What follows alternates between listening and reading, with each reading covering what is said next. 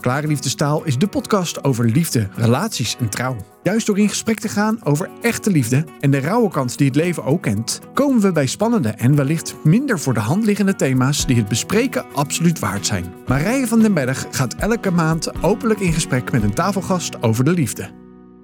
Ruim 38% van alle 8 miljoen huishoudens bestaat uit één persoon. Het eenspersoonshuishouden is het meest voorkomende type huishouden. Vandaag ga ik in gesprek met Hilde Pater. Als jonge vrouw worstelde Hilde met single zijn.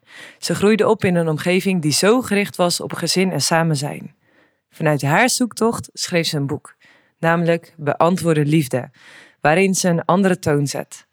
Tijdens deze podcast deelt Hilde over haar kennis als sociologe, haar ervaring als single en de rijkdom die ze ontdekte tijdens het schrijven van haar boek. Hilde, welkom. Ja, dankjewel. Leuk Wat leuk dat je hier bent. Ja, wij hebben al, elkaar al eerder gesproken aan de hand van het thema single ja, zijn. En uh, nou, dus ik ben echt heel erg benieuwd naar alles wat je vandaag gaat vertellen. Ja, ik ook. Ja. Nou, je boek dit nodigt gelijk uit tot uh, nou ja, nieuwsgierigheid. Ik vind het echt zo bijzonder uh, nou ja, wat je ook als titel gekozen hebt. Daar waar er is onbeantwoorde liefde stond, staat daar nu beantwoorde liefde. Ja. Omdat het woordje on soort van doorgekrast is. Ja. Is dat ook eigenlijk jouw ontdekkingstocht geweest tijdens het schrijven van het boek? Ja, ik denk het wel. Dus ik zeg altijd, de zoektocht die ik in mijn boek heb gedaan, is eigenlijk hoe ik ging van ik wil naar zo snel mogelijk een relatie. Dus mijn liefde is onbeantwoord. Uh, naar ik ben eigenlijk ook blij als single. En dan ga je naar beantwoorde liefde. En dat klinkt eigenlijk een beetje gek, want je liefde wordt dus niet beantwoord door een partner.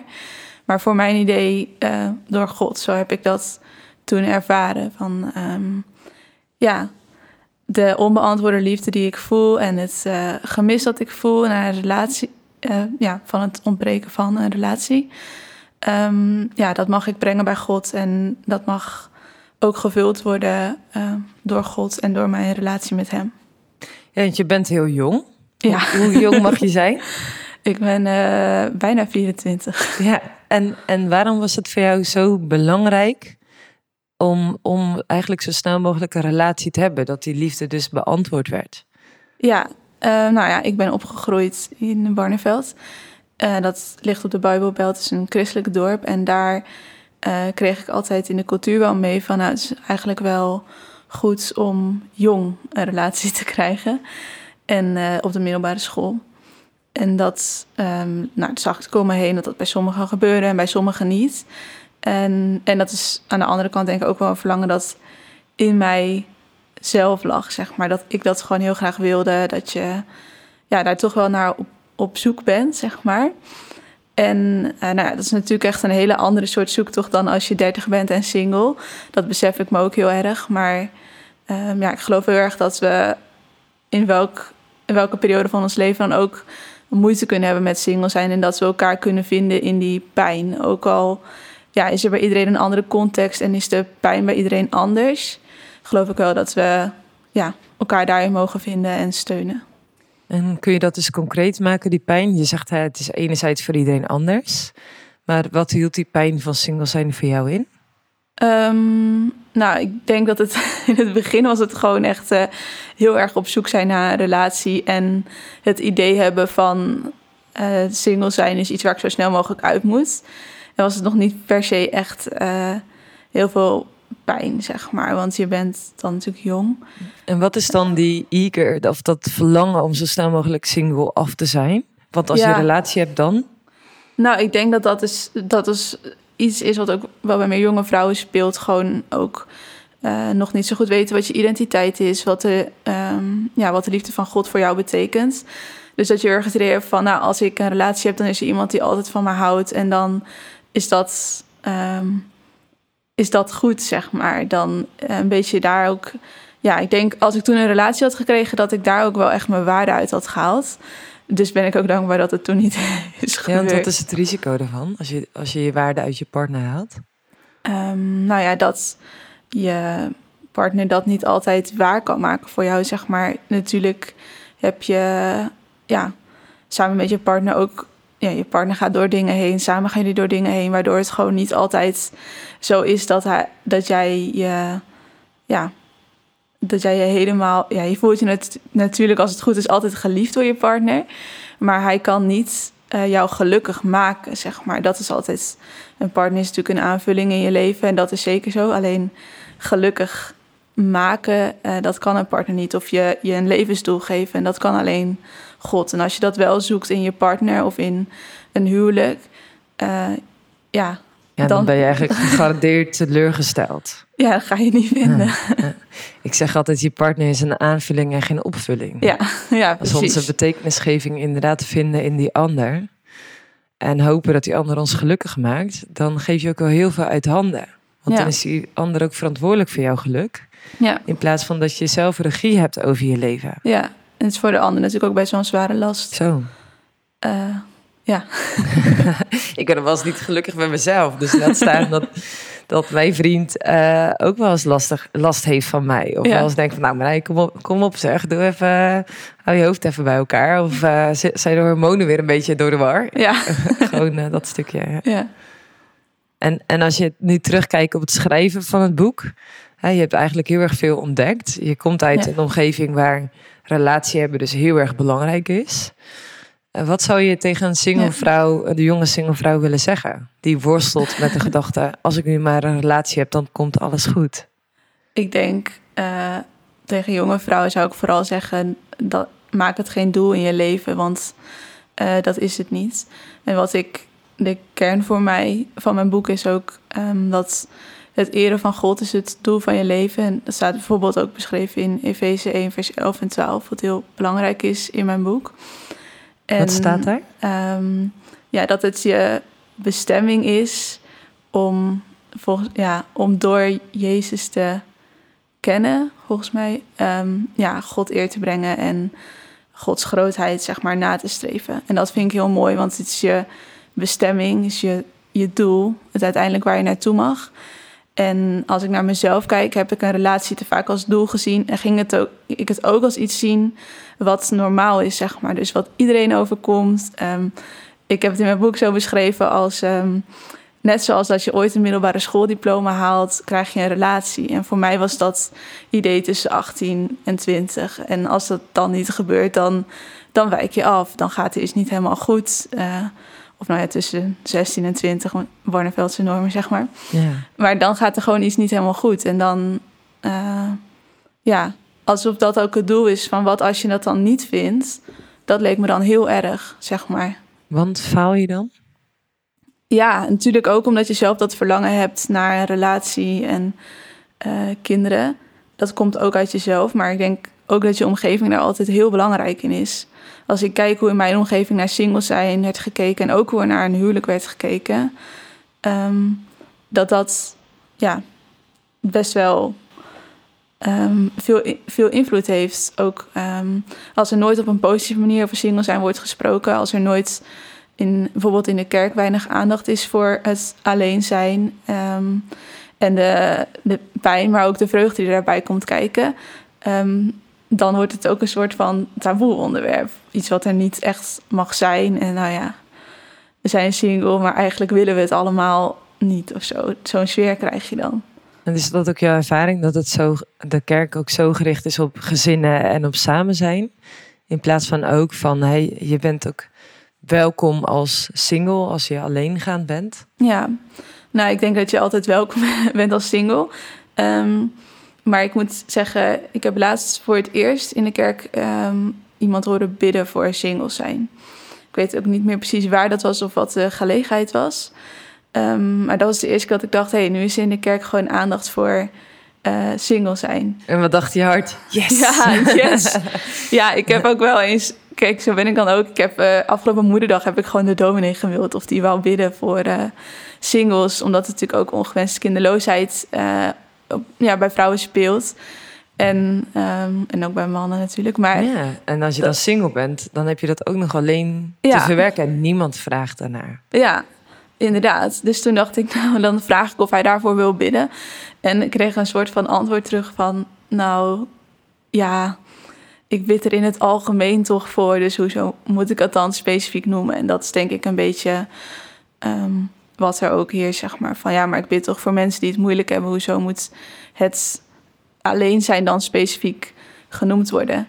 En dat, uh, ik vind dat jammer, maar ook altijd wel opzienbarend, omdat iedereen is ooit single geweest. En natuurlijk heb, heb je ook wel eens mensen die uh, hun partner gewoon op, op echt hele jonge leeftijd ontmoeten. En uh, een vriendin van mij zei dat ook laatst. Zei ja, ik heb niet eens echt de kans gehad om single te zijn. Die was uh, 19 toen ze hem ontmoette. Ja. Dat is natuurlijk ook, ja, maar, maar nog, dan nog zeg maar. Iedereen is ooit alleen geweest. Ja. Dus als het goed is, kunnen we allemaal terughalen ja. hoe dat was. Ja, maar dat is natuurlijk moeilijk, hè? Dus uh, ik weet nog, toen ik ziek was, toen, uh, uh, toen kwam de helikopter eraan en ik had mijn nier gescheurd en ik had zoveel pijn. En ik ben boerendochter, dus je, ja, dan, dan bijt je op je tanden en je zeurt niet gewoon. Mm -hmm. ja, je hebt ook geleerd, ja. het leven is zoals rouw. Dus ik zou nooit zeggen, ik heb van schaal op 1 tot 10 aan 10 pijn. Ja, ja. En ik zei 12. En daarin weet ik nu nog steeds. En ik onthoud dus de pijn niet. Maar ik weet nog, toen zij mij vroeg, die verpleegkundige of die arts, hoeveel pijn heb je? Van schaal 1 tot 10 zei ik 12. Ja. En daarom weet ik nog, de pijn die ik had, ook al voel ik hem niet meer, ja. was zo erg dat ik echt zei: God, dit is te zwaar, ik trek dit gewoon niet. Ja. En heel veel dingen, uh, omdat we dat dus niet opmerken of niet bewust labelen van: oké, okay, maar hoe heftig was het dan? vergeet je dus. Ja.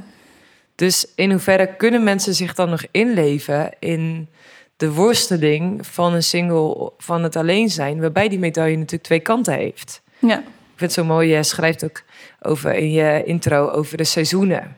De seizoenen van, van single zijn is, kan een seizoen zijn. Ja. Uh, ik was zelf twaalf jaar ongekust, dus ik heb een lang seizoen van single zijn meegemaakt. Uh, maar ik zeg altijd wel, die de, dat seizoen had wel echt twee kanten. Ja. Het was enerzijds soms dat ik echt helemaal klaar mee was. En dat ik naar God echt worstelde. Of dat ik dan weer een date had gehad. En dan weer, toen hoorde ik echt, mij, bent echt fantastisch, maar ik ben niet verliefd. En dat ik echt dacht, nou, heer, hoe werkt dat dan? Zeg maar. Ja. En anderzijds gaf het me ook echt onwijs veel mogelijkheden. Uh, van werk in Zwitserland als snowboardleraar tot aan zo flexibel kunnen zijn en kunnen ondernemen en dat soort dingen allemaal. Ja. Dus is dat ook jouw ervaring, dat, dat het ook echt twee kanten had? Ondanks hè, die worsteling Ja. of die druk die je ervaarde van binnenuit of van buitenuit, vanuit je omgeving, van nou, je hebt een jonge relatie. Heb je dat ook, ben je dat ook gaan ontdekken, dat het ook iets moois heeft? Ja, dus ik denk dat ik op een gegeven moment... ehm, nou, ik heb toen een video van Ben Stewart gekeken... eh, zonder daar al te veel op in te gaan... want da- daar heb ik het nou al zo vaak over gehad... dat mensen daar vast wel moe van worden. Ehm, maar dat ging over single zijn als iets positiefs, zeg maar. Als was dat een preek? Of, of Een preek, ja. en kunnen Een, mensen die ook terugvinden? Want er zijn wellicht Ja. mensen die luisteren en zeggen... ja, Ben- jij zegt, ik noem het niet, want eh, mensen zijn er moe van. Maar eh, waar Ja. kunnen mensen dat terugvinden? Ehm, als je Ben Stewart eh, single, dating, engaged, married zoekt, dan vind je hem. Ehm, en ik zal hem ook linken op mijn website, dan kunnen mensen hem daar ook terugvinden. En daar omschrijft hij single zijn eigenlijk als een cadeau. En toen was ik, toen ik dat zag, was ik Flabbergasted. 19 denk ik, of 20, rond die leeftijd. Ik was dan net jarig geweest of nog net niet. En toen was ik inderdaad dat ik dacht, oh, dit kan ook. En dan wil ik ook erachter komen wat dat dan is, zeg maar. Dus wat is dan die mooie, ja, wat is dan die mooie kant? En wat heeft God mij inderdaad te bieden in deze tijd? En hoe kan ik zorgen dat ik dit leuk vind en mooi vind? En ik merkte dus ook bij mezelf wel eh, dat er dingen in mijn relatie met God niet helemaal goed zaten. Wat ik al eerder zei over dat ik dacht, nou, als ik nu een relatie krijg, hou ik mijn waarde daar heel erg uit. En ik haal sowieso mijn waarde best wel uit het feit dat er weinig mannen geïnteresseerd in mij zijn. Dat vind ik heel lastig. En toen wist ik van, nou, dat zit gewoon niet goed. En daar moet ik eh, mee aan de slag. Hoe ben je Eh, daarmee aan de slag gegaan? Ja, toen dus dat filmpje keek en daarna ben ik gewoon eh, daarover gaan lezen. Ik heb toen eh, Je bent waardevol van Carianne Ros gelezen. Meerdere keren, want dat, Maakte zoveel indruk. ja, en dat is ook iets wat ik dan eh, heb gedaan om ja, beter je identiteit te kennen. En gewoon gaan lezen over single zijn en ook over relaties, zeg maar. Wat, eh, hoe zie ik dat eigenlijk, relaties inderdaad? En ehm, dat hele romantische comedy plaatje wat ik aangeleerd krijg, is dat wel zo... ehm, ja, is dat wel zo reëel? Nee. En Want wat is Ja. dat plaatje, als je dat, als je dat woorden geeft? Ja, waar natuurlijk gewoon het gevoel heel belangrijk is en dat alles soepel gaat, zeg maar. Dus je vindt gewoon iemand die vindt je helemaal fantastisch. Daar raak je houten de boter verliefd op uh, in een hele korte tijd. ja. En, um, en dan, ja, jij beschreef dat ooit als je, weet je, die basisschoolverliefdheid. Als, dat je die dan weer voelt, zeg maar. En uh, nou, ja, vooral handelen op gevoel. En toen ben ik meer gaan lezen. En daar in die boeken werd bijvoorbeeld ook wel gezegd van... nou, echt alleen handelen op basis van gevoel... is niet echt een heel erg goed idee. Want um, ja, je moet ook gewoon wel concreet nadenken van... passen wij bij elkaar? Of uh, nou, andere dingen. Dus ja, er is heel veel Amerikaanse literatuur beschikbaar... over single zijn, daten en relaties... Uh, waarvan ik uh, niet elk boek aan, aan zou raden dat, uh, dat daar bestaat. Dat het ook wel soms wat ja, hele heftige um, ja, wat dingen in staan die, nou die gewoon altijd alles lezen met een kritische blik, toetsen aan de Bijbel. Dat vind ik wel echt belangrijk, ook met alle tips die ik geef. Um, en met mijn eigen boek ook. Mm, is dat wel goed, hè? altijd goed om, uh, om alles wat beschikbaar is ook gewoon uh, te overwegen. Hè? Wat vind ik hier dan zelf van? Of als je christen bent, dat je toetst aan uh, wat zegt de Bijbel erover? En wat betekent ja. dat dan voor het leven? Ja. ja, dat is echt heel erg belangrijk, ja. Ja. En nou, je hebt die zoektocht gehad, zeg maar, van het ontdekken wie je zelf bent, ook als single. Ja. En, en hoe, hoe ging die reis dan verder? Um, ja, ik ben er ook gewoon heel veel met mensen over gaan praten. Dus um, ik, ben, uh, ik heb gestudeerd in Groningen. En daar was eigenlijk iedereen wel single. Dat vond ik ook heel raar toen ik daar binnenkwam. Daar pestte ze mij nog steeds mee. Want ik zei toen, nou, uh, we hadden dus toen een avond over relaties.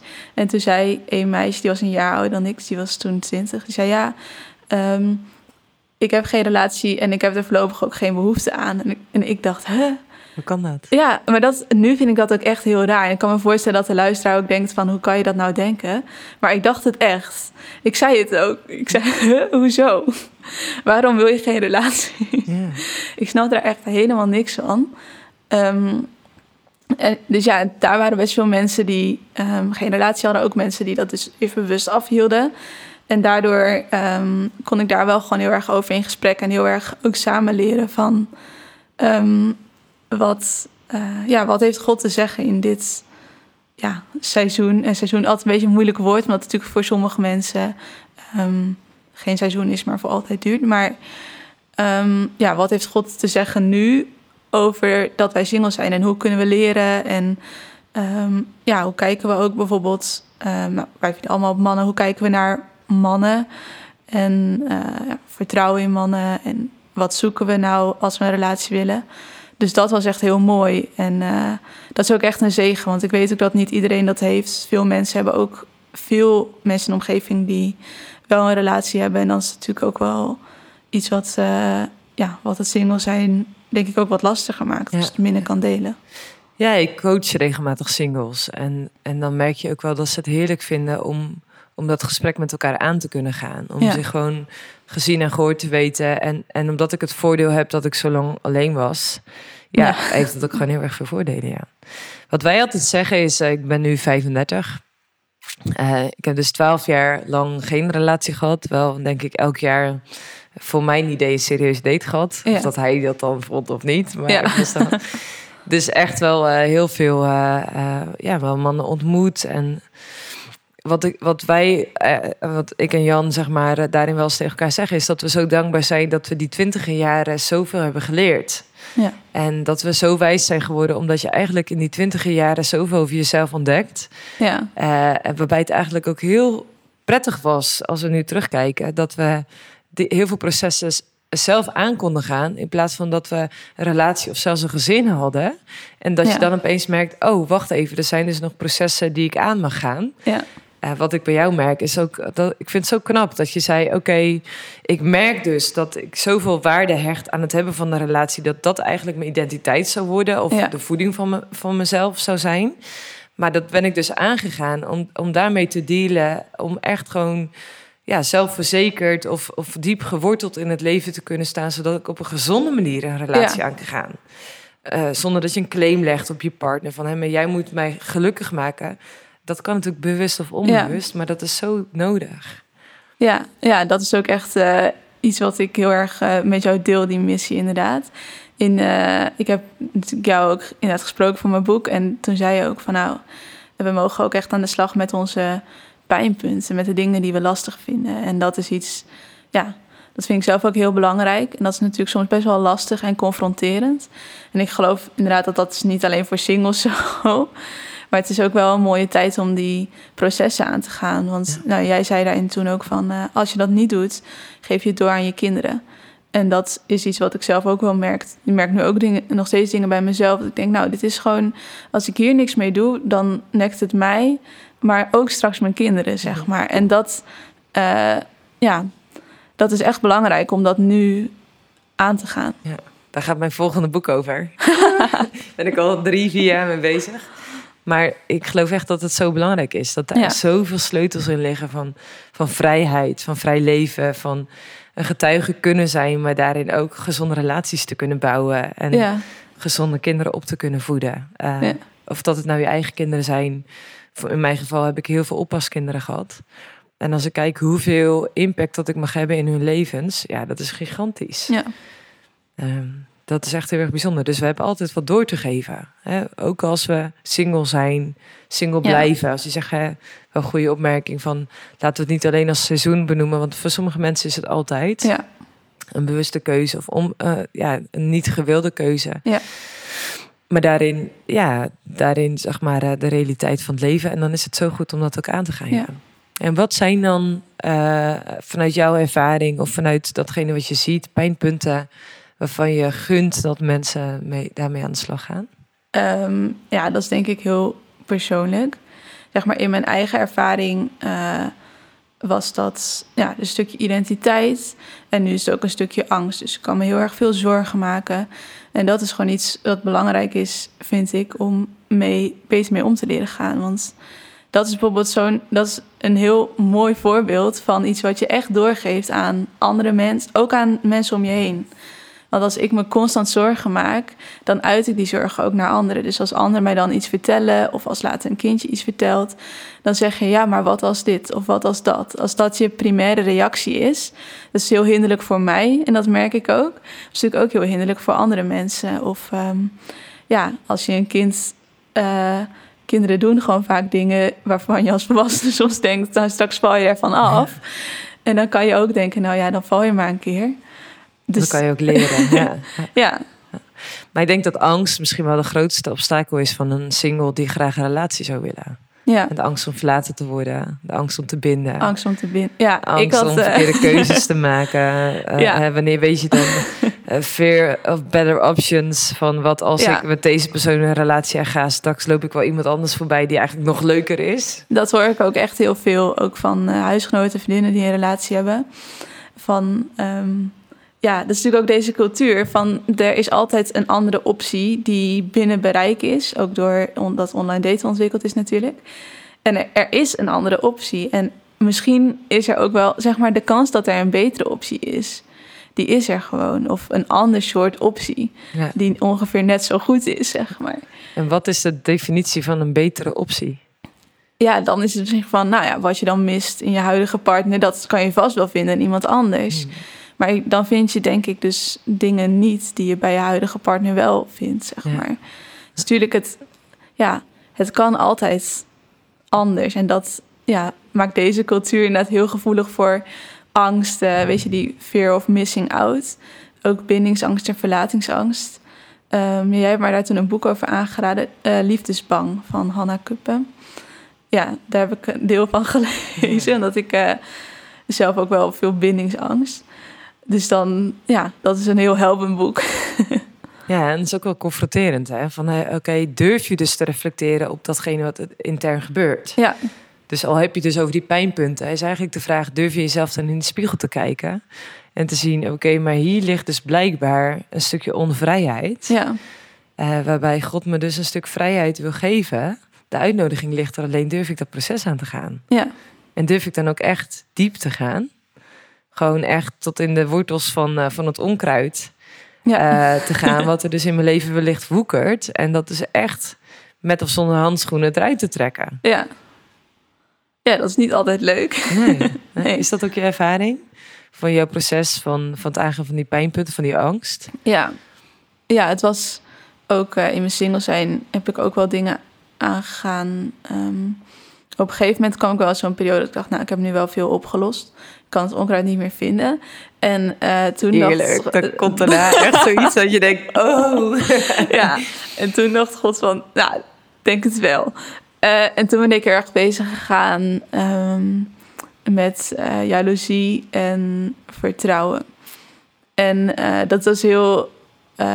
en vergeving. En dat was heel heftig, want dat zijn eh, ook hele nare dingen om bij jezelf te merken. Eh, dat zijn hele vervelende emoties. En eh, ja, dat vond ik echt wel een lastig proces. Ik heb toen ook wel veel gebeden van... ehm, kon dat niet anders? Of even, heer, ik wil dat niet meer, wilt u het wegnemen? Ja, In plaats van ja. dat je momenten krijgt waarin je die emotie dus voelt. Ja. En dan dus kan merken, oké, maar wat gebeurt hier eigenlijk? Of Ja, waar heb ik behoefte aan? Of waarom speelt deze emotie op? Want vaak vertelt, nou niet eigenlijk vaak, altijd vertelt een emotie een verhaal. Dus wat voor verhaal vertelt het eigenlijk? Ja, en ik heb toen dat, dat jaar heel bewust... eh, ik had een mentor, een geloofsmentor... en eh, heel bewust ook opgeschreven van... nou, eh, ik wil dat je dit aan me vraagt, dit aan me vraagt. Van, hoe gaat dat? En dat waren ook vragen die gingen over jaloezie, vertrouwen en vergeving. En toen kwam dat allemaal tegelijk. En dat was iets wat ik graag wilde leren. En daarin werd ik, denk ik, ook heel erg teruggeworpen op de basis. Dus wat is dan... Ja, toen had ik heel erg van... Ik snap nu niet wat God aan het doen is. ehm, maar ik weet wel wie hij is. Dus wat is dan Gods karakter? En daar mag ik op vertrouwen. Dus op... Ja, vertrouwen op wie God is... in plaats van op, op wat hij doet. Want dat, dat snap ik nu gewoon echt even niet. En dat... Dat, ja, dat is denk ik wel het, zwaarste moment wat ik in single zijn heb gehad. Van, dat ik juist het idee had van... ik ben klaar om... Ja, klaar, maar ik, ik sta er nu, nu echt voor open om een relatie aan te gaan. En ik denk dat, daar, dat ik daar op een gezonde manier mee om kan gaan. Eh, en dan word je echt op zo'n proces... in zo'n proces geworpen. Eh, dat was eh, wel heftig. En ik beschrijf er ook wel een deel van in mijn boek. Omdat denk ik ook iets als... ehm, ja, vertrouwen is natuurlijk ook een thema dat bij iedereen speelt, maar bij singles ook wel een mooi thema is om Ja. over te praten. Ja. Het vertrouwen in de ander als je aan het daten bent. Ja, En die weet het ook nog niet. Dus die kan je nog niet de veiligheid vinden, geven die je eigenlijk waar je behoefte aan hebt. Vertrouwen in iemand in een prille relatie durf je zelf dan ook echt over te geven aan die ander. ja, Ook al denk je, ja, ook al is het heel kwetsbaar en kan je daardoor heel diep gekwetst worden. Maar ook vertrouwen in, in God. Van dat God te vertrouwen is. En dat Ja. hij met je meegaat. Of dat het leven meezit of voor je gevoel tegen. ja, Ja, het zijn natuurlijk hele diepe geloofsthema's, ja. Ik sprak zaterdag op een eh, conferentie bij Hemeltijd. En daar eh, was zo mooi. Eh, ik had het over hoe wij vaak naar de toekomst kijken als Westelingen. Is dat wij bijvoorbeeld in het kader van single zijn, zien ik wil een relatie. En we bidden eigenlijk, heer, als u dit of dit of dit even fixt. Als u me nou gewoon een man geeft, dan komt Ja. alles goed. Want Ja. dan heb ik een relatie. Terwijl een Jood loopt achterstevoren de toekomst in. ja, En die ziet terug, Heer, toen was u daar. En toen heeft u dit gedaan. En toen Ja. heeft u dit wonder gedaan. En dit heeft u gesproken of dit staat in uw woord. En als ik daarop zie en ik loop achterstevoren de toekomst in... ja, dan weet ik gewoon dat u te vertrouwen bent. ja, En dat u mijn wegen baant. En dat u voor me uitgaat. En dat u mijn herder bent. En dat me niks zal ontbreken. Ook al voelt dat soms wel als single. ja, Ehm, als je nu kijkt naar de maatschappij, eh, ik noemde het net al even in de introductie, 38% van de 8 miljoen huishoudens zijn single. Wanneer je de onderzoeken van het CBS eh, eh, leest, en dan is het de afgelopen jaar, eh, de afgelopen 100 jaar gigantisch ge- gegroeid, Ja. het aantal alleenstaande eh, Ja. gezin, huishoudens.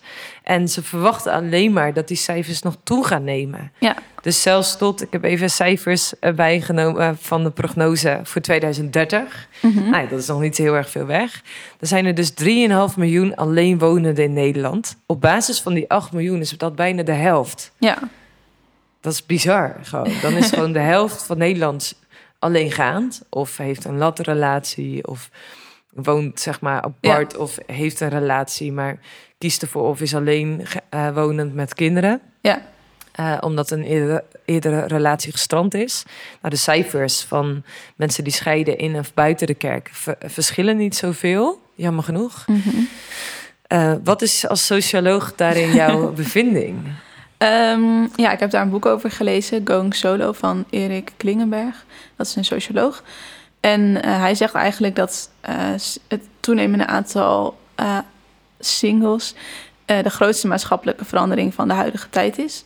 En dat dat iets is wat totaal niet opgepakt wordt door de overheid. Dus wat je wel ziet is dat het in de marketing heel erg mee wordt genomen. Want het is gewoon voor marketeers een hele fijne targetgroep van... eh, nou, daar kan ik wel mijn eh, product op afstemmen. Dus dat zie je, zag hij in Amerika soms wel gebeuren. Hoewel het hier nog wel meevalt. Eh, maar ik zie eigenlijk dat de maatschappij daar niet op ingericht is. Als je ook bijvoorbeeld kijkt naar de woningcrisis die er nu is...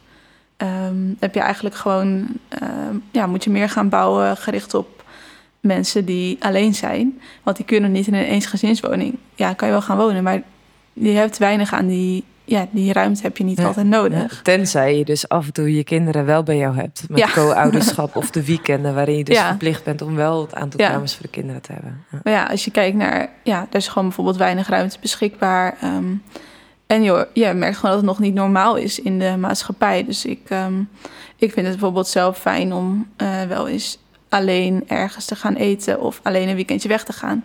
Als je dan zegt een tafeltje voor één... dan kijkt die oom je heel raar aan. Hm. En ik had laatst op een Airbnb... en dan moest ik een, eh, gewoon voor twee personen betalen... ook al was ik alleen. Ja, daar ga ik dan niet heen. En dat hoor ik al vaker van singles. Die willen dan ja, ergens heen en dan betalen ze eigenlijk soms zelfs nog een toeslag omdat ze single zijn. De- ja, dat is Ja, natuurlijk dat is echt absurd. overal. Je betaalt, ja, ik ben een reisleider geweest bij Beter Uit en betaalde je ook alleen een, een toeslag als je alleen op een kamer wilde. Ja. ja, dus ergens is dat natuurlijk logisch, want zij moeten waarschijnlijk, als het een tweepersoonskamer is, natuurlijk net zoveel doen. Eh, dus qua kostenplaatje is het logisch. Maar het voelt wel eh, een beetje krom en het, het laat ook zien dat het nog niet echt ingericht is op ja, mensen die alleen ergens komen. Wat vind je ervan?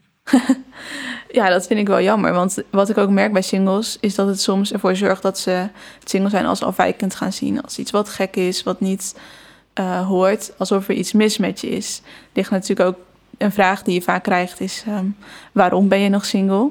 En daar ligt ook een beetje die assumptie in van er is iets, er is iets mis waardoor jij nog single bent. En dat Of ben je niet te kritisch? Ben je homo? Eh, eh, heb je niet te veel meegemaakt? Komt studeer het je niet te hard, jezelf? ja, werk je te hard. Leef, eh, richt je je leven er wel naar in. Ja. Om, want iemand die wil ook wel dat je er tijd voor hebt of zo. Ja. Of tijd voor vrijmaakt. Ja. ja. Herkenbare vragen, ja. Ja, en dat, ehm, ja, dat, is natuurlijk, dat is natuurlijk heel jammer. En zeker als christen en ook als niet-christen geloof ik natuurlijk dat ieder mens waardig is op wat voor manier. ehm, ja, wat je relatiestatus ook is. Maar ik geloof dat eh, God daar ook heel erg eh, op een andere manier naar kijkt. Dus als ik naar de Bijbel kijk, zie ik dat er nooit. Ik, ik heb nog geen Bijbeltekst gelezen waarin echt negatief over singles wordt gepraat. En wel natuurlijk bijvoorbeeld 1 Korinthe 7, waarin Paulus juist Ja, heel Paulus zegt, positief ja, praat over singles. En zegt eh, dat het eigenlijk iets is wat heel goed is en wat je je na mag streven. En ehm, daarin geloof ik dus ook, ja, God kijkt niet naar je relatiestatus en je bent niet minder als je single bent, want dat impliceert dat je pas compleet bent als je een relatie hebt. Terwijl als christen geloof je dat je heel bent gemaakt door Jezus toen hij aan het kruis voor jou stierf. En dat geldt voor singles en voor getrouwde mensen, voor verloofde mensen. Ja, dus je Ja. bent al volwaardig in relatie met God. Ja. Daar ligt heelheid in. Ja. En niet in het hebben van een relatie Ja. dat dat jou heel maakt. Ja, God is jouw wederhelft. en daarin geloof ik ook dat hij ons allemaal wil gebruiken in zijn koninkrijk. Het is echt niet zo alsof God denkt, nou, jij bent, jij bent single. Dan moet ik nou echt even wachten totdat je trouwt voordat ik, iets, voordat ik mijn plan in werking kan stellen. Hij, eh natuurlijk, ehm getrouwde stellen kan hij misschien op een andere manier gebruiken als singles. Maar ja, anders is niet slechter. Nee, nee. Nee, en daarin, daarin denk ik dat dat juist een hele goede boodschap is. Dat, dat kerken daarin ook ja, de waarde gaan zien van mensen die dus single zijn en enorm gepassioneerd zijn. ja, En die passie ook uit kunnen leven. En het geeft ook mogelijkheden, omdat je dus niet de verplichting heb om een relatie te onderhouden. Ja, En een gezin eh, op te voeden en, en daar ook aandacht aan te besteden. ja, Waarbij hè, eh, meewerken in de kerk met, geïntegreerd met een gezin ook heel veel waarde heeft. Dus als we die beide eh, statussen, als we het status noemen, daarin in kunnen zetten, ja, dan is het een heel hele rijkdom van diversiteit eigenlijk. ja, ja. En, en als, je, als je zegt van, oké, dat gaat dus aan die 3,5 miljoen alleenstaande in Nederland in 2030. Ja. Wat ligt daar voor kans voor de kerk? Ehm, ja, ik denk dat er vooral heel veel kans liggen door gewoon erover te praten. Aukelien van Abema heeft daar eh, over geschreven, Single in de Kerk. Dat is echt een boek dat eh, specifiek zich richt ook op die vraag van hoe kunnen we daar als kerk mee omgaan. Dat boek is denk ik al wel een aantal jaar oud. Ja, ik En denk al een jaar of tien of zo. Ja, dus dat is... Maar het thema is ook- nog steeds relevant. Ja.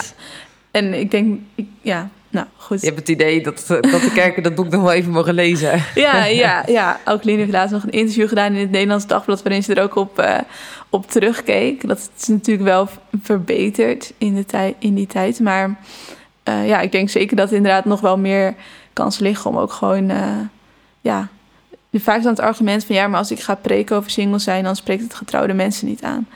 Eh, dat argument hoor ik nooit andersom. En eh, nou, ik denk dat het ook niet waar is, zeg maar. Als je, dat je ook, ook als... Ik geloof ook dat mensen die een relatie hebben mijn boek kunnen lezen. En dat doen ze ook, zeg maar. Want het gaat ook gewoon over... Het is ook een mooie manier om terug te kijken op je eigen single zijn. En het gaat natuurlijk ook gewoon over thema's die relevant zijn als je wel een relatie hebt. Als je bijvoorbeeld over single zijn hebt, komt het thema eh, onzekerheid. Van hoe ga ik nou om met eh, onzekere dingen in mijn leven? Dat ik niet weet wanneer die partner komt. Of vertrouwen. In mijn boek bijvoorbeeld ook eh, dienen in Gods koninkrijk. Of je relatie met God. Dat zijn allemaal thema's waar ook iemand met een relatie iets uit kan halen, zeg Ja. maar.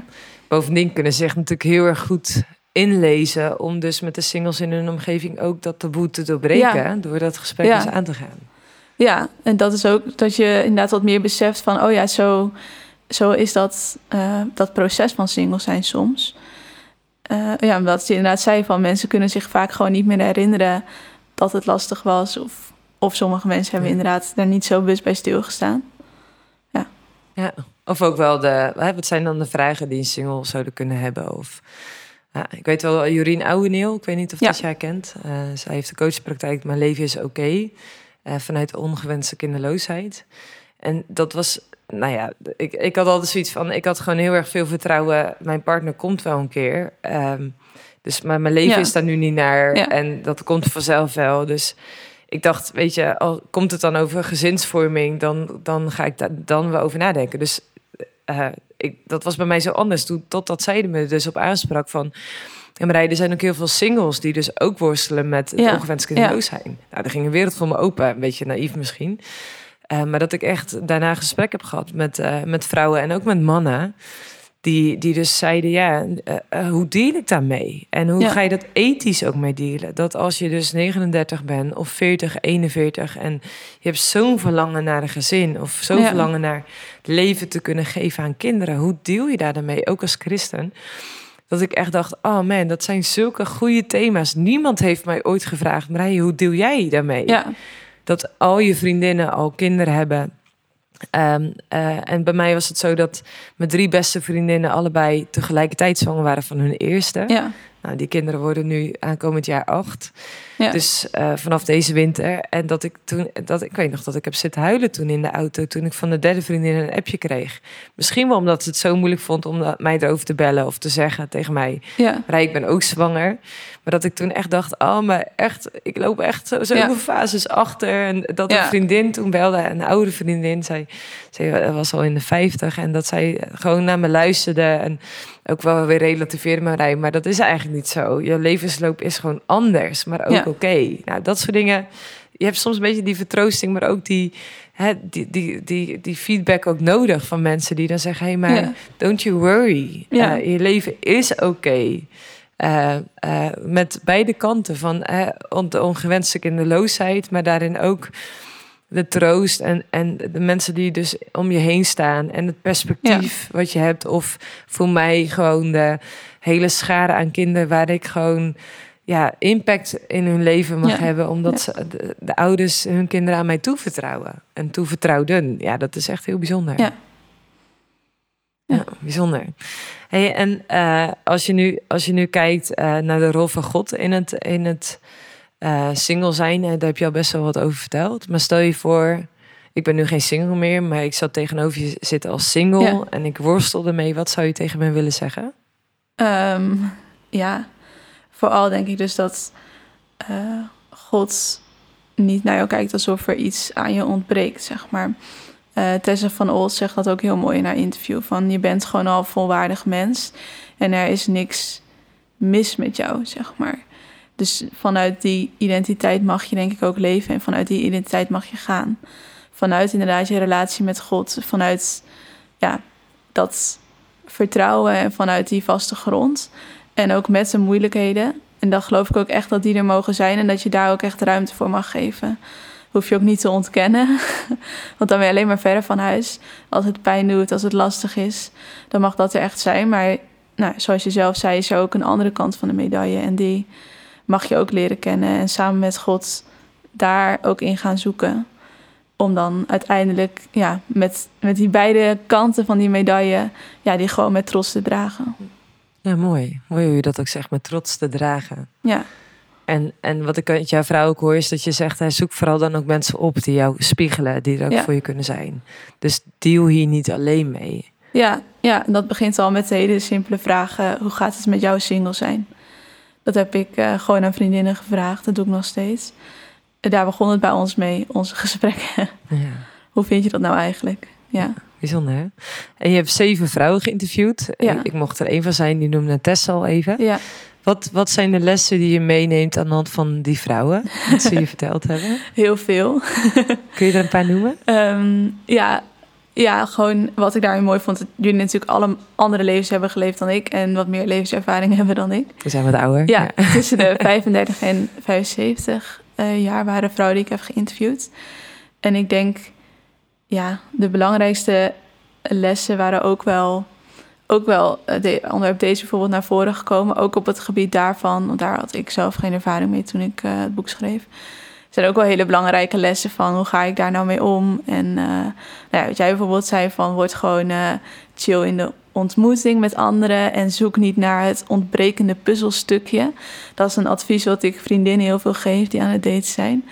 En nou, ook bijvoorbeeld ehm, vrouwen die, eh, vrouw die jong weduwe is geworden. En daar komen natuurlijk ook weer adviezen uit van... eh, dan ben je echt bezig met, zij zei van... jezelf weer uitvinden, omdat een, een stukje van jezelf... dat lag in hem en een stukje van hem lag in jou. En dat is er niet meer. Dus je, ja, zij noemde het boek Wenen om je verloren ik. Eh, dat vond ik ook wel een mooie les. Van, oh ja, dat kan ook gebeuren. En hoe ga je daar dan weer mee om? En het, ehm, ja, bijvoorbeeld ook Kokkie Dros geïnterviewd, een relatietherapeut en psycholoog. En die gaf dus ook weer aan van, nou, je pijn moet je gewoon, dat mag er gewoon zijn. En daar moet je lief voor zijn, zeg maar. Het zijn ook allemaal hele, hele belangrijke lessen. En bijvoorbeeld Eline Hogeboom, die zei dat ook. Van, ja, toen ik de pijn erkende in mijn leven, van hé, hey, ik vind dit eigenlijk ook wel echt lastig dat ik alleen ben. Toen zei ze, ja, toen kwam er ook veel meer openheid voor mij om eh, die relatie, eh, ja, om die relatie meer aan te gaan, als ik het zo verwoord. Ja, Wat mooi. Dus je bent enorm verrijkt ook eigenlijk in het proces van het schrijven van het boek. Ja, ja, dus die interviews staan dan inderdaad aan het einde. Maar ik heb ook tussendoor natuurlijk quotes eh, van jullie erin gezet. Als het dan paste bij het boek van nou, dit, dit zegt uh, Kokkie hierover. Of uh, Marije vertelde dit erover. Ja, Omdat, uh, nou ja, ik heb maar één leven geleefd en dat doe ik nog niet zo, niet zo heel lang. Dus ik, ja, ik heb bijvoorbeeld geen ervaring met uh, single zijn nadat een relatie overgegaan is. Of ja, het ja, dat zijn allemaal dimensies. Ja. Ja. En zo heeft iedereen, wat je al eerder zei, iedereen heeft zijn eigen pijn. Iedereen heeft zijn eigen verhaal. Eh, ik vind het ook heel mooi dat je ook een stuk wijdt over seksualiteit. Ja. Eh, want dat, eh, ik weet wel, ik heb daar zelf ook keuzes in gemaakt. En waar ik achteraf nu van denk, ach, was ik maar weer 16, dan zou ik zo anders gekozen hebben. Ja. Dat geeft me nu enorm veel passie voor mijn werk. Ehm, eh, om, om daarin anderen bij te staan en, en over te verhalen, over te spreken. Om taboes te doorbreken. Ja. Om te ontdekken, ja, maar waarom heeft God dan dingen zo bedacht? En hoe werkt het Ja. dan? En wat doet het dan met ons? En nou ja, je bent socioloog, hè? daar is zoveel over te vinden. Over Ja. wat doen dingen met mensen? En hoe waar zijn Gods principes dan? Ja. Dat is echt waanzinnig. Dat is echt heel erg bijzonder. Ik vond het heel erg leuk om vandaag met je daarover in gesprek te gaan. Ja, ik Ik ook. vond het heel erg leuk om toen dat gesprek met je te Ja. hebben. En ja, gewoon te delen over, eh, over mijn ervaring daarbinnen. En, Ja. en de wijsheid die ik daardoor eh, vergaard heb. Eh, we gaan een boek weggeven. Ja, dat klopt. Heel ja. tof. Ehm, nou, dat is misschien wel leuk als we even een actie eh, verzinnen. Ja. Dus als we nou zeggen, als mensen eh, op de Instagram-pagina van Klare Liefdestaal... Ja. komt dus een foto te staan met, het met, met ehm, daarin ook de afbeelding ook van beantwoorde liefde met Ja. de doorgekraste on. Dus de onbeantwoorde liefde die beantwoord is geworden. Ja. Ehm, en daar hebben mensen dus tot eind oktober uh, mogelijkheid toe om daarop te reageren. Ja. En dan kiezen we samen, of loten we dan Ja. random Ja. eh, het boek onder. Ja. Eh, als laatste pitch eens even. Waarom zouden mensen jouw boek moeten kopen voor zichzelf om, of om weg te geven? Ehm, ik denk dat het boek gewoon een heel mooi, ja, een mooie zoektocht en een mooi avontuur is om bij jezelf te gaan ontdekken. Ja, hoe voel ik me nou eigenlijk over dat single zijn? Eh, welke proces heb ik daarin doorlopen? Hoe is mijn relatie met God? Hoe ga ik ook om met mijn verleden? Ik denk dat het daarin gewoon een, ja, een mooie manier is om die zoektocht aan te gaan. En dat doe ik dan samen met jou, want ik ga in mijn eigen boek ook de zoektocht aan. En dan zijn we ja, echt in gesprek. En eh, ja, dus samen met, met, de, met de hulp van al die, eh, die zeven vrouwen die ik heb mogen interviewen met hun prachtige verhalen. En ik denk dat ja, dat, dat je gewoon heel erg eh, kan verrijken. Ja, het is ook heel leuk om een inkijkje te krij- krijgen in jullie processen natuurlijk. En heel uniek. Daar ben ik ook eh, heel blij mee. Ja, Ja. fantastisch. Nou, even off the record, nee, on the record. Maar je hebt inmiddels natuurlijk een relatie. Ja. En eh, dat is eigenlijk wel een hele mooie. Gewoon, ik vind het zo mooi hoe je daar ook kwetsbaar over deelt. Over hè, die processen, die dingen die je in jezelf tegenkwam. Van je echt dacht van, oh, eigenlijk waardeer ik dat helemaal niet in mezelf. Ja. Maar mag ik dat nu gewoon ook echt eh, aangaan? Ja. Ik vind het heel erg tof dat je dat hebt gedaan. En nou ja, als cadeautje kwam je daarin je geliefde tegen ergens Ja. along the process. Ja, toen het boek af was, hè, dat is wel echt belangrijk om te noemen. Want dit boek ligt al eh, bijna anderhalf jaar. Klaar, Ja, klaar. om afgerond te worden. Ja. ja. Ja, Dus dat is natuurlijk allemaal met COVID allemaal, zeg maar, dat het eh, nu bijna valt. Ja. fantastisch. In oktober eh, wordt het natuurlijk helemaal gelanceerd. Nou, ik wens je samen echt heel veel plezier. Een heel mooi avontuur toe. ja, En waarin je samen gewoon eh, elkaar de ruimte kunt geven om op te bloeien en te groeien Ja. als persoon. Dus Ja. geniet er ook van. Ja. En ik ben heel erg benieuwd hoe het boek ontvangen gaat worden. Ja, ik ook. Succes. Ja, heel erg bedankt.